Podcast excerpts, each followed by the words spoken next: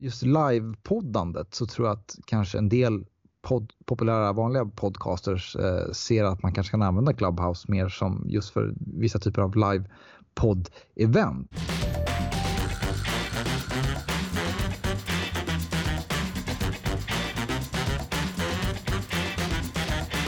Då hälsar jag välkommen till ännu ett avsnitt av Kommunikation med Svensson och Mattisson med mig Anders Svensson och Linus Mattisson. Hallå där, hallå där. Du Linus, Clubhouse eh, mm. känns det som att alla redan har sagt allting men vi kan ju inte med tanke på den podden vi bedriver låta det gå obemärkt förbi utan vi måste ju nästan prata om det här Clubhouse trots allt.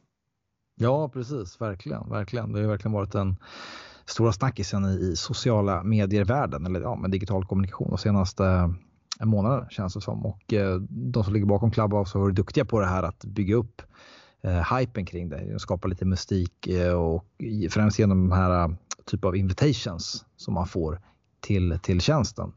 Mycket som Spotify gjorde när de eh, lanserade sin tjänst för över tio, tio år sedan.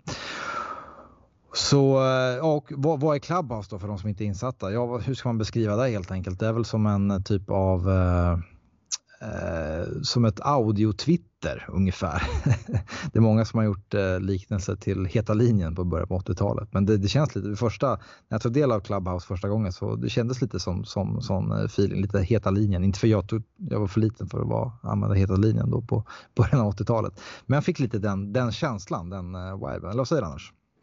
Jo, men det är det. Jag har också hört den här, jag tror det finns en Peter dokumentär som handlar om just Heta linjen. Så att uh, det är inte så länge sedan jag lyssnade på den, så jag har haft det lite så här färskt i minne och jag måste ju säga att den av, av det man har förstått vad Heta linjen var för någonting så, så liknar det här i det väldigt, väldigt mycket. Sen finns det ju de som vill dra lite paralleller till, till poddvärlden och att det kanske Clubhouse på sikt kan bli en konkurrent till poddlyssnandet, vilket jag inte riktigt ser kanske. Jag tycker att det är två helt olika format och upplägg på det hela. Även om det är, vad ska man säga, audio media så är det ju så sagt helt olika tema på, på de olika. Ehm, um, där ser jag snarare då som podcast, det är ju mer närbesläktat med den traditionella radion snarare skulle jag vilja säga än att uh, det skulle vara så att Clubhouse är det. Men å andra sidan Clubhouse är väl kanske en vidareutveckling av podcastkonceptet. Just att man man mm. har de här öppna rummen och involverar eh, eh det... folk som lyssnar. Alltså man, kan ju, man kan ju jämföra klubbar som man tar i den fysiska världen. Att det är ju, det är ju liksom som en stor eh, vad säga, teater. Du bjuder in till en teater eh, och så har du en scen på plats där du har några mm, folk som sitter och så har du publiken där.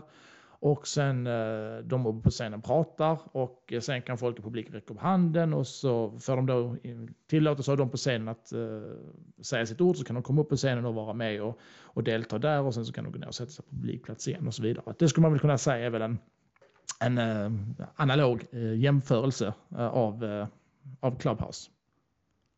Ja, precis. Lite så kan man säga.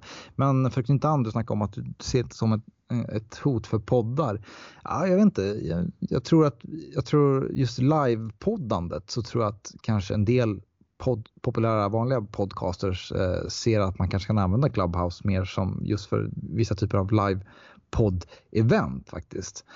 Eh, tror jag, tror jag att en del kommer testa på helt enkelt. Ja. Och, sen också, och sen också, det finns ju större, vi jämför med Heta linjen och jag har också lyssnat på den där P3-dokumentären. Det finns större struktur kring Clubhouse. Du kan ju alltså nischa dig, att du kan nischa in som jag till exempel, ja, var inne på en del fotbolls, eh, fotbollsrum om man ska kalla det helt enkelt. Eller true crime rum var jag också inne på eh, och sådär. Alltså det, det, finns ju annan struktur och sen kan man få aviseringar om när de här eh, samtalen kör igång och då är det ett gäng samtalsledare ofta kanske där jag var inne på, då är det kanske alltså fyra, fem stycken och sen har man liksom åhörare. Sen har de här eh, samtalsledarna möjlighet att bjuda in en del åhörare, en del samtal helt enkelt. Så ja, för att få lite bild av, av för er som inte har uh, testat Clubhouse än. Ja, men det blir lite som du du har en scen och publik och sen så kan du liksom interagera och låta publiken komma upp på scenen och sen har du några förutbestämda. Ja. Så att, lite seminarieaktet kan man väl säga. Jag tror också som så, alltså livepodd, jag, jag ser ju liksom livepoddandet som som en liten del av själva podden. De flesta, flesta podden sker ju trots allt eh, på den traditionella vägen. Men, men mm. absolut mm. de som har som nisch att köra mycket livepoddar och så vidare. Där kan ja. det absolut bli att man får flytta sig över ja. till, till Clubhouse. Um, absolut. Nej, men jag, tror, jag tror att det kommer alltid finnas ett behov av, av välproducerade och genomarbetade podcast liksom, på, på olika sätt. Och det, det är ju inte det här formatet uh, för det, så att säga. Men som du är inne på där, att just för typ, ja, men typ live, live Walk Live-poddar så tror jag att den här kanalen kommer att fylla en funktion framöver på, på olika sätt. Mm.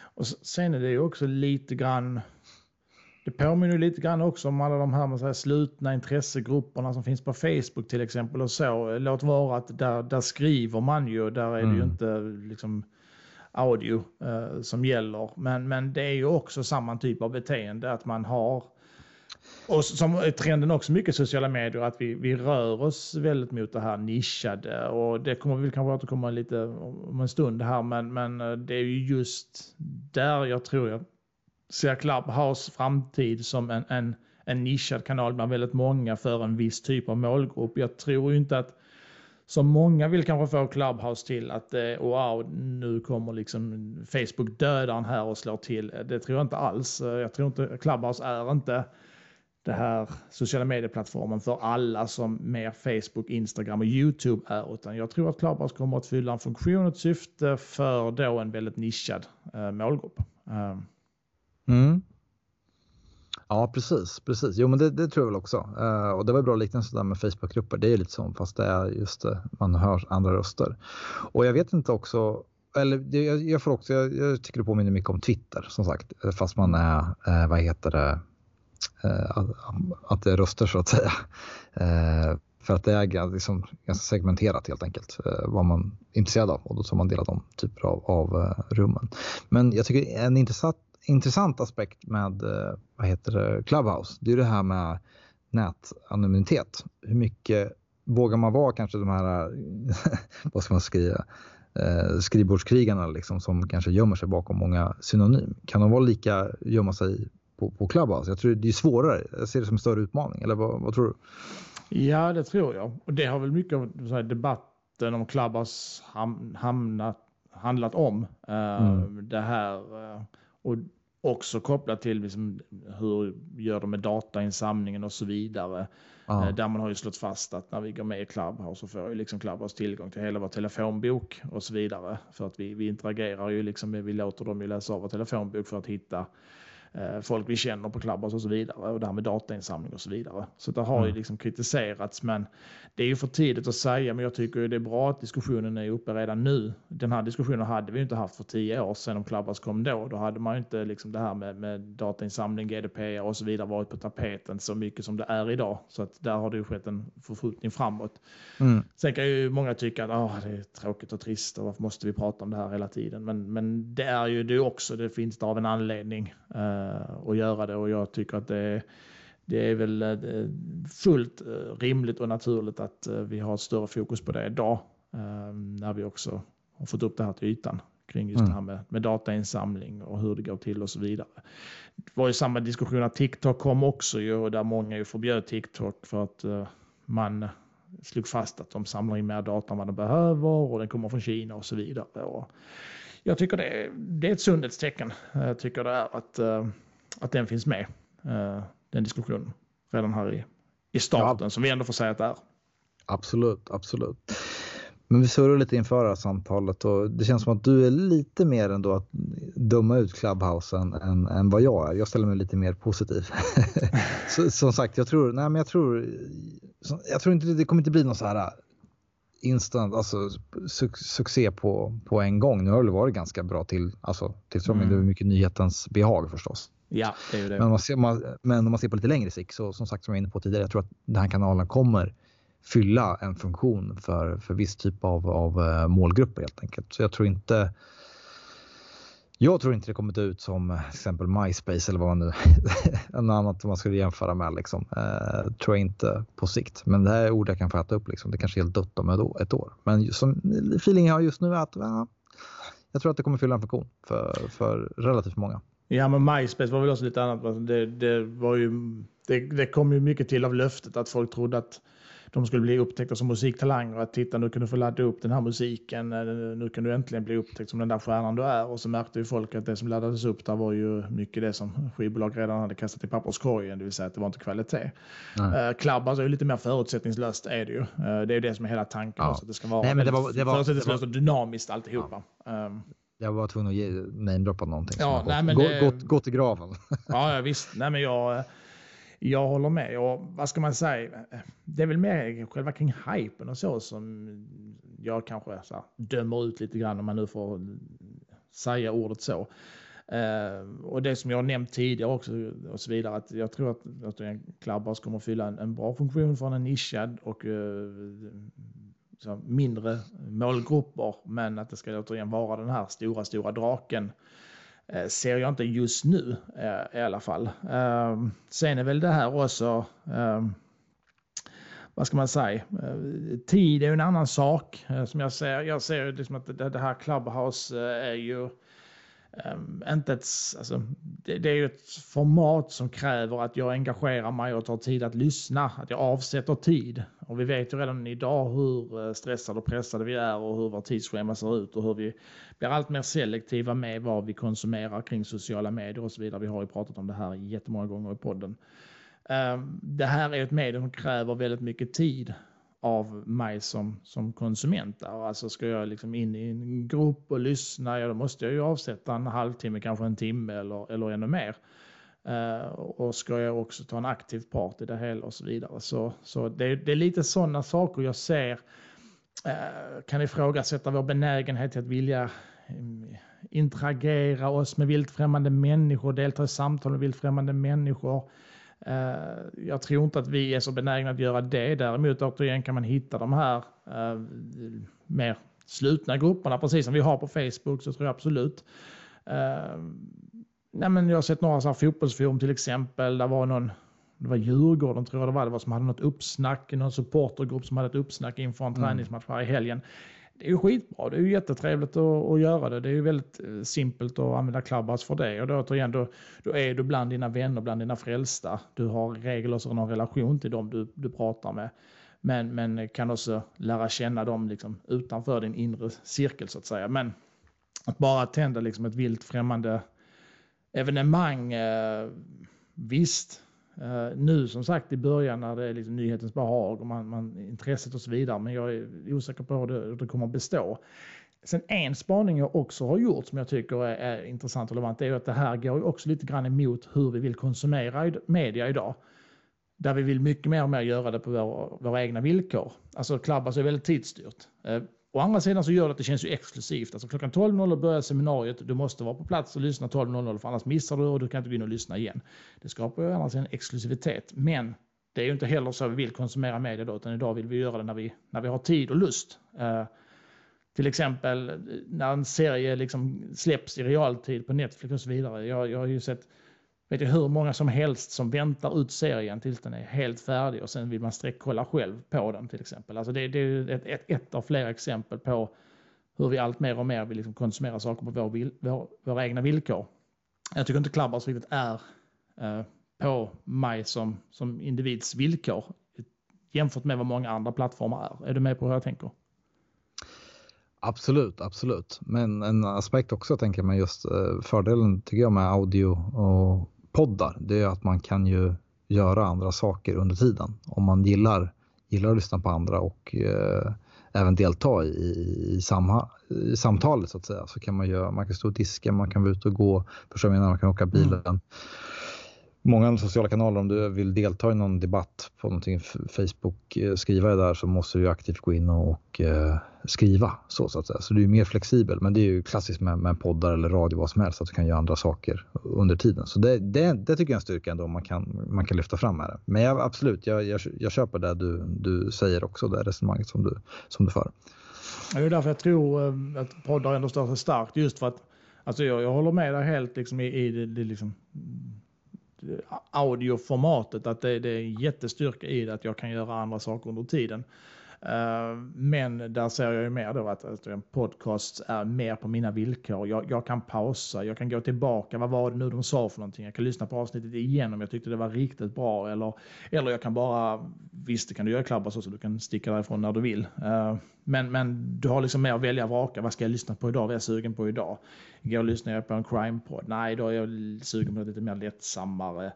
Uh, nej, den här var inte så bra. Eller det här var kul, jag går tillbaka. Alltså, det är lite mer på mina egna villkor kanske. Clubhouse måste ju liksom vara där när det sker och är du inte där då så, så, så missar du det. Skapa en exklusivitet, absolut, men går också andra sidan emot hur vi vill och hur vi har vant oss vid att konsumera media idag. Mm. Det är därför tablå-tv är ju ständigt till exempel. Så är det så är det. Ja, ja, men det blir intressant att följa utvecklingen och vi har väl all anledning att återkomma till Clubhouse. Vi ska vidare här i samtalet, men vi har ju faktiskt sagt att vi ska försöka spela in ett avsnitt eller, eller inte, ja, jo, men typ kanske ett avsnitt kan man säga att det blir på, på Clubhouse och bjuda in vad heter det, intressanta personer och sen hitta intressanta rubriker att eh, diskutera så får vi själva känna på plattformen i ett skarpt läge. Ja, vi har inte riktigt haft tid till att göra det fram till idag, utan nu har vi ju mångt och mycket bara försöka bilda oss en uppfattning om Clubhouse så långt vi nu kan. Men vi sa ju så det både du och jag att vi, vi borde faktiskt testa att köra det och eh, vi har kanske inte heller sett så himla många spår på Clubhouse som har liksom med, med, med ämnet som rör vår podd att göra. Så att, det eh, hade varit kul att bara, bara testa rent förutsättningslöst. Så att eh, du som lyssnar, håll gärna utkik eh, på våra eh, sociala medieplattformar våra LinkedIn och så vidare. Vi kommer att berätta där lite mer när vi, när vi kör. Men uh, vi får väl tro och hoppas att det skulle kunna bli någon gång nästa vecka. Om vi får till det. Att vi kan ja. köra något litet snack där om kommunikation och uh, kommunikatörer och så vidare. Som, Um, Precis. Lite nischat ämne. Så att uh, vi får se vad det här tar vägen. Jag tycker också att man ska ju inte glömma bort att Clubhouse är väl kanske inne i en period av barnsjukdomar. Det är som sagt ett rätt nytt medium uh, fortfarande och jag tror det kommer att ta lite tid innan det liksom utkristalliserar sig vad det exakt ska användas till och vad som funkar, eh, vem det är för och så vidare. Men eh, jag ser det liksom som en, alltså det är en form av seminarieapp, alltså folk som, som ehm, vill hålla seminarier och olika typer av intressegrupper och så vidare. Alltså det, som sagt nischade målgrupper, men ehm, jag, jag, tror inte att det, det är någonting för, för alla Eh, direkt. Men eh, vi får väl också se här nu, det är svårt att säga om. Nu är det fortfarande mycket barnsjukdomar. Det är mycket High Chaparral där inne och många som bara kör och så vidare. Och, och eh, testar det, med, med all rätt såklart. Eh, så vi får väl se till innan var, var det kommer någonstans. Jag tänkte vi skulle prata lite grann om det här fenomenet med att dela andras material som har ju inte är någonting nytt eh, förvisso, eh, men som kanske har gjorts väldigt mycket nu, framförallt under coronatiden. Eh, jag kan bara berätta från ett exempel från, från vardagen till exempel när, när olika myndigheter och annat gör, vad ska man säga, färdigt informationspaket och skickar ut till kommuner, regioner och så vidare med liksom en, en, en filmsnutt, lite bilder och sen en, en text då som man ska bara copy-pasta rakt av och dela. Uh, känner du igen det där också Linus, när man, när man får de där påbuden? Ja, absolut, absolut. Det är, verkligen, verkligen. Under alla år man jobbat i kommunikation faktiskt får man det ofta. Ja, eller det, det, kan vara inom en större organisation också, att man har flera olika typer av så här, under Facebook-sidor och sen kommer man från centralt håll ut med att nu ska alla våra Facebook-sidor gå ut med exakt samma innehåll på exakt samma klockslag och så vidare, för vi vill öka spridningen såklart och så tror man att det är bra. Eh, vad man däremot, jag tror vi har pratat om det här tidigare i något poddavsnitt också, men vad man däremot inte då ska komma ihåg är ju att det här inte är en speciellt bra metod att göra. Eh, för det är ju så att eh, de sociala medieplattformarna har ju sedan tidigare gått ut och, eh, och slagit fast att man kommer att slå ner på sånt där innehåll som man upplever är återanvänt, alltså duplicerat innehåll, kopierat och så vidare. För att man vill premiera unikt och eget material på sociala medier. Så det innebär till exempel om jag skulle göra en post som rör någonting och jag skulle skicka exakt samma bild och text till dig Linus och till tio andra människor att lägga ut det här på era eh, sociala medieplattformar också så kommer vi att sabba för, för varandra. Eh, mm. Eftersom att algoritmen kommer att slå ner på detta för den kommer att uppfatta det som, som spam. Eh, och det har ju att göra med sen några år tillbaka att algoritmerna fick ju fokus på det här liksom med, med spam och med botar och trollfabrik och så vidare som oftast använder ju de här metoderna att kunna Eh, posta samma saker på flera olika sidor för att öka spridningen och det ville man ju slå ner på. Så jag tycker ju faktiskt att det får man ju faktiskt ge cred till dem. Jag tycker att det, det var ju liksom bra att man gjorde det en gång i tiden. Eh, men dock ser jag ju inte riktigt att det är så, för jag ser ju väldigt mycket material som återanvänds och dupliceras i sociala medier, inte sällan av av eh, kommuner, olika typer av offentliga verksamheter, regioner och så vidare. Men också företag, till exempel franchiseföretag. Eh, vad kan vi ta där? Alltså där Pinchos, Espresso House, eh, du vet McDonalds och så vidare. Eh, det, det förekommer ju där också. Att man, man, liksom, man har olika typer av lokala Facebook-sidor för eh, ja, men till exempel Pinchos och så kommer det någonting från centralt håll från Pinchos som ska läggas ut på allihopa samtidigt. Och ja. då flyger du inte. Nej. Nej, precis. Så. precis. Så nej, men det är väl lite en eh, höjat varningsfinger helt enkelt eh, till er som vill dela andras material så att säga. Att kanske inte få den önskade effekt som man kanske tror att det ska få eftersom Facebook är duktiga på att identifiera att, att det klassas då som typer av spam då, om man vill säga det inom citationstecken. Mm. det man kan göra för att komma runt, alltså man kan ju ta delar av andras material och göra. Om du kanske har en jättebra filmsnutt och så vidare, men då, då, kan jag ju liksom be dig skicka originalfilen då, så kanske jag kan lägga på någon egen voice på den och några egna mm. klippbilder och så vidare, skriva en annan text, alltså gör någonting annat unikt så att det sticker liksom ut från originalet, utan copy-pasta liksom inte rakt av eh, allt innehåll, för då kommer ni bli straffade eh, av algoritmerna. Så det är ett sätt att kunna komma runt ett exempel. Sen förstår jag ju att det är ju väldigt, eh, det handlar ju om tid och liksom resursbrist för väldigt, väldigt många. Och att man kan tycka att det är väldigt schysst och tacksamt att, men titta här, här gör vi liksom material som alla kan använda. Jag vet till exempel i både i höstas och i våras så var det väl olika typer av Facebookgrupper där, där olika kommuner hörde av sig eller skrev typ att hej, titta här, vi har gjort den här coronafilmen typ. Eh, Eh, skriv din mailadress om du vill att vi ska skicka den här filmen till dig så kan du göra det. Så kan vi skicka filmen till dig så kan du använda din egen logga på den och lägga ut exakt samma film och samma text och så vidare. Och det var ju mm. jättemånga som tyckte, ja ah, men gud vad schysst. Och, och det var det, det fanns ingen onda avsikter med det. Det var väl jätteschysst att dela med sig. Men man glömmer som sagt bort att uh, det skadar mer än vad det gör nytta att göra det. Så att trots välviljan så, så är det inget bra sätt att göra det på. Så skapa era grejer från scratch in-house helt enkelt för om ni ska få, få det att flyga bäst helt enkelt i sociala medier. Så är det ju för att någonstans så, jag vet ju att många brottas ju med det här att man vill få upp, vad ska man säga, eh, andelen inlägg man lägger upp, att man vill öka frekvensen av inläggen. Man tycker inte att man postar tillräckligt mycket hela tiden. Men jag brukar ju alltid säga liksom att frekvensen får aldrig bli viktigare än liksom Eh, Eh, relevansen och substansen i innehållet. Alltså återigen, hellre färre inlägg men som är bra och relevanta och där finns substans i för målgruppen som ni, ni riktar er mot. Än att lägga ut en himla massa för att då kommer det också upplevas som, som någon form av spam, liksom intetsägande innehåll. Så att jag tycker ofta att det blir fel fokus. Man fokuserar ibland för mycket på frekvensen. Hur många inlägg lägger vi ut snarare än vad innehåller de? Uh, eh, och där får man hitta liksom utifrån vilken organisation man är och hur många, vilka resurser man har. Vad är en, en rimlig eh, frekvens att lägga oss på? För vissa är kanske, ja men ska vi hålla kvaliteten så är det ett inlägg i veckan som, som gäller för oss. Eh, Medan andra kan säga att vi kan köra ett inlägg om dagen som håller den kvaliteten vi vill göra. Det är helt beroende på. Men, men man måste hela tiden se till det. Det är inte liksom frekvensen som är det avgörande utan det är ju som sagt återigen hur relevant är det du postar. Sen såklart så ska det ju ske med liksom en vad ska man säga, eh, en, en, en, frekvens som dina följare känner igen sig på. Alltså har du vant dina följare vid, det kommer ett inlägg varannan dag eller varje dag, så kan du inte helt plötsligt bara sluta med det och börja posta liksom en grej i veckan. Är du med jag tänker? Utan man måste liksom, man får hitta något som, som funkar eh, och som man också kan vänja sina följare med. Om vi pratar sociala medier igen, eh, som det här avsnittet kommer att handla mycket om, så pratas det ju ofta som, vad man säger, att vi lever i den här informalismen och attentionalismens tid där liksom eh, uppmärksamhet är allt och så vidare och det är det allting handlar om. Och på viss del är det ju så för att i sociala medier så, så är det ju attention, eh, engelska uttrycket är det attention, Eh, det är ju det det handlar om i sociala medier. Eh, I det här enorma bruset som, eh, som ehm, alla kämpar med att försöka sticka ut i. Uh, där tänkte jag liksom bara ge en liten sån här um, hint om attention eller attention vad det är för någonting i sociala medier och där skulle jag vilja säga att det är två saker det är som du måste ha för att kunna uppnå då attention och det är trovärdighet gånger uppmärksamhet.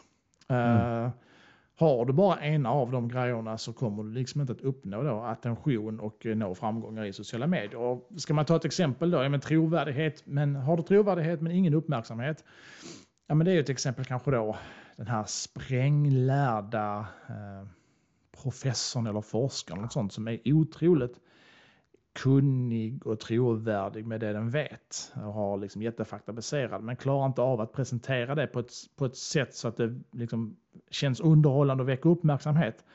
Ja, då har du inte heller någon attention. För du kan ju vara liksom hur duktig och spränglärd som helst men kan du inte attrahera en publik till det så, så får du ingen attention heller. Då blir du liksom bara tråkig att lyssna på och då är det ingen som kommer att lyssna på dig. Uh, hur mm. duktig och kunnig du än är. Har du däremot uppmärksamhet men ingen trovärdighet kan vi ju jämföra med till exempel det här uh, utskällda MSB-smset som vi ju tidigare har pratat om i ett, ett poddavsnitt. Uh, och som jag menar var ett klassiskt sånt grej där du fick ju all uppmärksamhet du kunde tänka och tyckas, men de hade ju noll trovärdighet. Alltså, det är ju inte det här gamla tänket som man brukar prata om att äh, men, eh, all publicitet är bra publicitet. Det gäller inte riktigt längre i det här nya medielandskapet utan det är ju återigen vad det är det folk säger om dig. Uh, för att återigen att alla, alla, att alla pratar om dig uh, men att det de säger, de flesta av dem är liksom skit och, och de, de tycker inte om dig och känner ingen trovärdighet till det och så vidare. Ja, då har de inte heller uppnått attention. Så du måste ju ha den här kombinationen hela tiden av de här båda sakerna. Och vem ska vi ta som exempel som har det? GW Persson, eh, om vi ska prata lite så folkliga människor, Marcus Oskarsson, Edvard Blom. Alltså, det är väl sådana här mm. urtypen av folk som, som upplevs som väldigt trovärdiga och kunniga på sitt område men som också är jäkligt underhållande och som drar till sig uppmärksamhet för att de, de, de, de är duktiga på att göra det. Eh, Hans Rosling var väl definitivt mm. en sån, till exempel. Eh, superattention. Oh. Nej men precis, precis, jättebra exempel på, på namn som lyckas att uh, hantera båda två där man sitter på stort förtroendekapital men kan paketera sin, sin kommunikation uh, på, på, ett, på ett väldigt intressant sätt. Så handlar det här om väldigt karismatiska individer i sig uh, så att säga. Och jag tror att, men det gäller väl också att man jobbar med, man kanske har superintressanta forskare om det skulle vara så, men som kanske inte är jättevana att jobba framför kameran. Det gäller väl att man, man paketerar i någon kommunikatörsroll innehållet på ett intressant sätt, tänker jag. Mm. Men just den här frågan tycker jag är superintressant eh, för att knyta an lite till just i de branscherna som vi är verksamma i eh, och jobbar, vi jobbar inom offentlig sektor. Att det, kan, det är en utmaning eh, som ofta ser att man hittar en balans mellan de här två grejerna så att säga. Så Ja, jag vet inte riktigt. Det är ju, ja, det gäller att hitta en, en snygg balans tror jag är superviktigt. Så man inte tappar förtroende men samtidigt inte är för myndighetstråkiga heller så att säga. Sen tror jag väl att ibland måste man vara lite myndighetstråkiga också, viss typ av kommunikation. Det går inte liksom att flasha till allting, men en, en, alltid försöka sträva efter en typ av balans, i alla fall den externa kommunikationen pratar om. Mm. tror jag är centralt. Ja, man kan man säga dra för jämförelse mellan privat och offentlig sektor. Men offentlig sektor kan man väl säga att där, där är det ju väldigt mycket en trovärdighetsfråga till exempel. Men där kanske man inte är så himla bra på att dra uppmärksamhet till sig. Eh, det är där det, mycket av det faller ju. Eh, mm. När det kommer just till attention och att nå ett genomslag i sociala medier så är det ju inte oftast trovärdigheten som är, är det fallerande utan det, det är det andra. Medan man kommer till den privata eh, sektorn så är det tvärtom. Alltså där är man kanske bra på att skapa, eh, försöka skapa uppmärksamhet och hype tycker man att man är. Eh, man, man, man vill oftast göra det att det ska vara flashigt, det ska vara coolt och så vidare. Men mm. många varumärken har ju kanske inte heller så hög trovärdighet till exempel och vi är ju van vid det här. Det är ju därför som reklam funkar dåligt och så vidare. För vi har ju lärt oss att se igenom det här företag som, som äh, inte håller vad de lovar och de gör, de gör reklam för en sak och sen är det något helt annat du får äh, när du mm. väl tar kontakt och så vidare.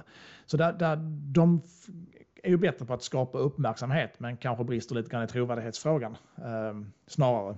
Precis. Så att, jag tror precis som du sa, men man måste ha de där båda benen någonstans för att Annars så, så, tror jag inte du ska i alla fall inte använda sociala medier som ett medium för att kommunicera. Uh, jag tycker snarare att den här trovärdighetsgrejen eller så här knastertorra, ja men det, det kanske du kan ha på din hemsida då till exempel. Men på sociala medier handlar det just om att skapa liksom ett engagemang och så vidare. Och liksom få, få nå ut i bruset. Och behöver du ha de där två sakerna uh, hela tiden. De är precis lika viktiga. Så att, trovärdighet gånger uppmärksamhet så har du liksom attention i sociala medier och då, då lyckas du med mm. det du gör. Hur tänker, du, hur tänker du Anders på det i din vardag? Vad, vad är dina nyckel till framgång för att lyckas med det? Ja, jag brukar säga det är nästan en hel föreläsning som jag brukar hålla förvisso eh, kring ja. de här sakerna. Eh, men det handlar ju om att alltså till att börja med att göra all, all hemläxa man kan göra kring liksom, återigen målgrupper och så vidare. Men, men framförallt också titta kring det. Ja, men, vad har liksom vi i vår organisation eller, eller om man nu jobbar på ett företag och så vidare. Vad, vad gör oss unika? Vad är våra USPar? Uh, vad, vad sitter vi på för kul fakta som inte andra vet som skulle kunna bli kul snackis eller någonting man kommer ihåg och så vidare.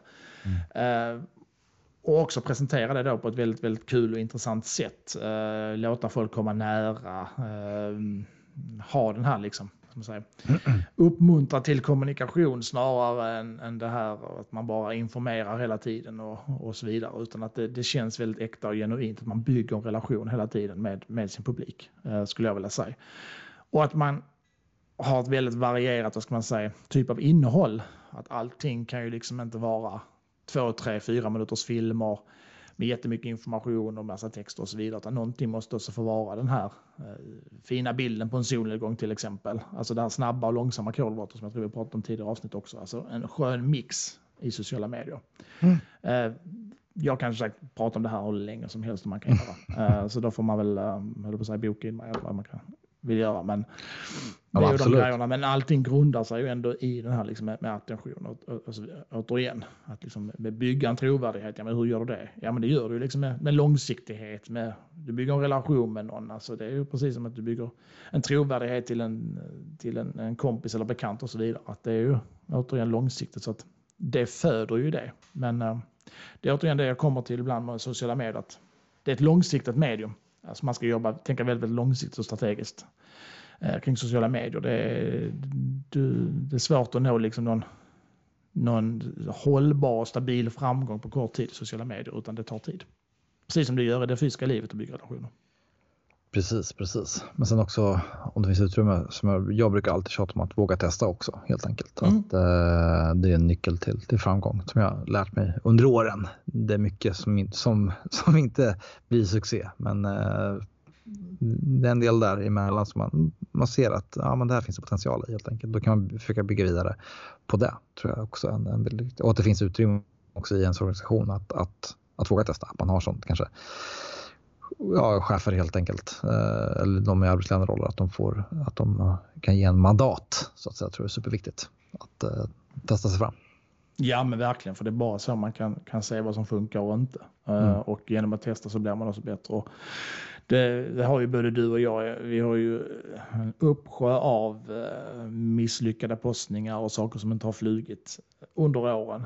ja, verkligen. verkligen. Men, men det jag ändå tycker man säger ju ändå att för varje år som man jobbar med detta så, så felprocenten minskar ju i alla fall. Och det brukar jag säga, det är ju hela tiden min målsättning. Att alltså fullärd kommer du aldrig bli för att det är sociala medier alldeles för komplext för och för, vad ska man säga, lynnigt för. Det förändras hela tiden. Men kan felprocenten minska för varje år, eh, någon liten procent eller någon decimal, så det är ju det man kan sträva mot. Och det tycker jag ju man har gjort. Ju. Alltså saker och ting jag publicerar, eller som jag publicerade för 10-5 år sedan skulle jag aldrig göra idag. Uh, och det har man väl lärt sig under vägen såklart. Men, men vi har ju också Jo, samtidigt som kanaler och beteenden har ju förändrat också. Så. Ja. så det är ju folk blir mer och mer vana med, med, med de digitala ytorna så att säga. Så det är ju en beteendefråga också. Beteendeförändringar över tid liksom, som man får ta hänsyn till där. Så ja, och den, den får du också reda, reda på genom att testa liksom och, och ja.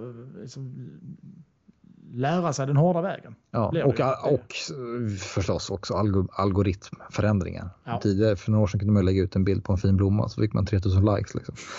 Men de, de tiderna är ju, är ju över så att säga. Ja, precis. I alla fall som det ser ut just nu. Så, som till exempel Facebook har skruvat till sin algoritm. Ja, nej men så är det absolut. Så att nej, men vi, vi liksom har en uppsjö av misslyckanden uh, bakom oss. Så att uh, det, det, är värt att, uh, att påminna sig själv om det också. Vad som ändå har, har alltså, lett fram tills där man är idag ju. och att vi sitter och har den här podden och liksom kan sprida våra kunskaper och dela med andra. Ja, men det är ju för att vi har ju, vi har ju gått samma väg. Det finns liksom inga quick fix. Utan Nej, det är precis. bara att testa, träna och vi har väl varit i bra miljöer också. Dels tror jag också det handlar om att precis så här, våga testa att man, man har ett, ett, ett klimat och en organisation som tillåter det. Men sen vill jag, det är halva delen, men jag säger, vill också säga, har vi pratat om tidigare också, kommunikatörer som tar mer plats upp med armbågarna och som, som är orädda av sig och vågar testa. Eh, mm. Och inte kanske alltid ber om lov för allting, utan kör på och våga ta plats. Uh, det är lika stor del tror jag. Som, som där kan ju kommunikatörerna göra stor skillnad. Absolut, absolut, det är jätteviktigt. Ja. Gött. Men uh, det är lite grann uh, sociala medier smått och gott. Uh, mm. Det här avsnittet kommer att handla om. Och du som lyssnar, vi vill såklart påminna om att vi finns på Facebook. Sök kommunikation med Svensson och Mattsson, följ oss där. Om du vill skriva, interagera med oss och så vidare. Och det går också bra att skicka mejl givetvis. svenssonmattisson.hotmail.com om du har frågor, synpunkter eller förslag på ämnen och gäster. Det är alltid kul att få sådana. Eh, det tar vi tacksamt emot. Så eh, vi är tillbaka igen Linus, onsdag om två veckor med ett nytt härligt avsnitt. Det är vi, det är vi. Så ha det bra alla där ute. Hej då! Hej då!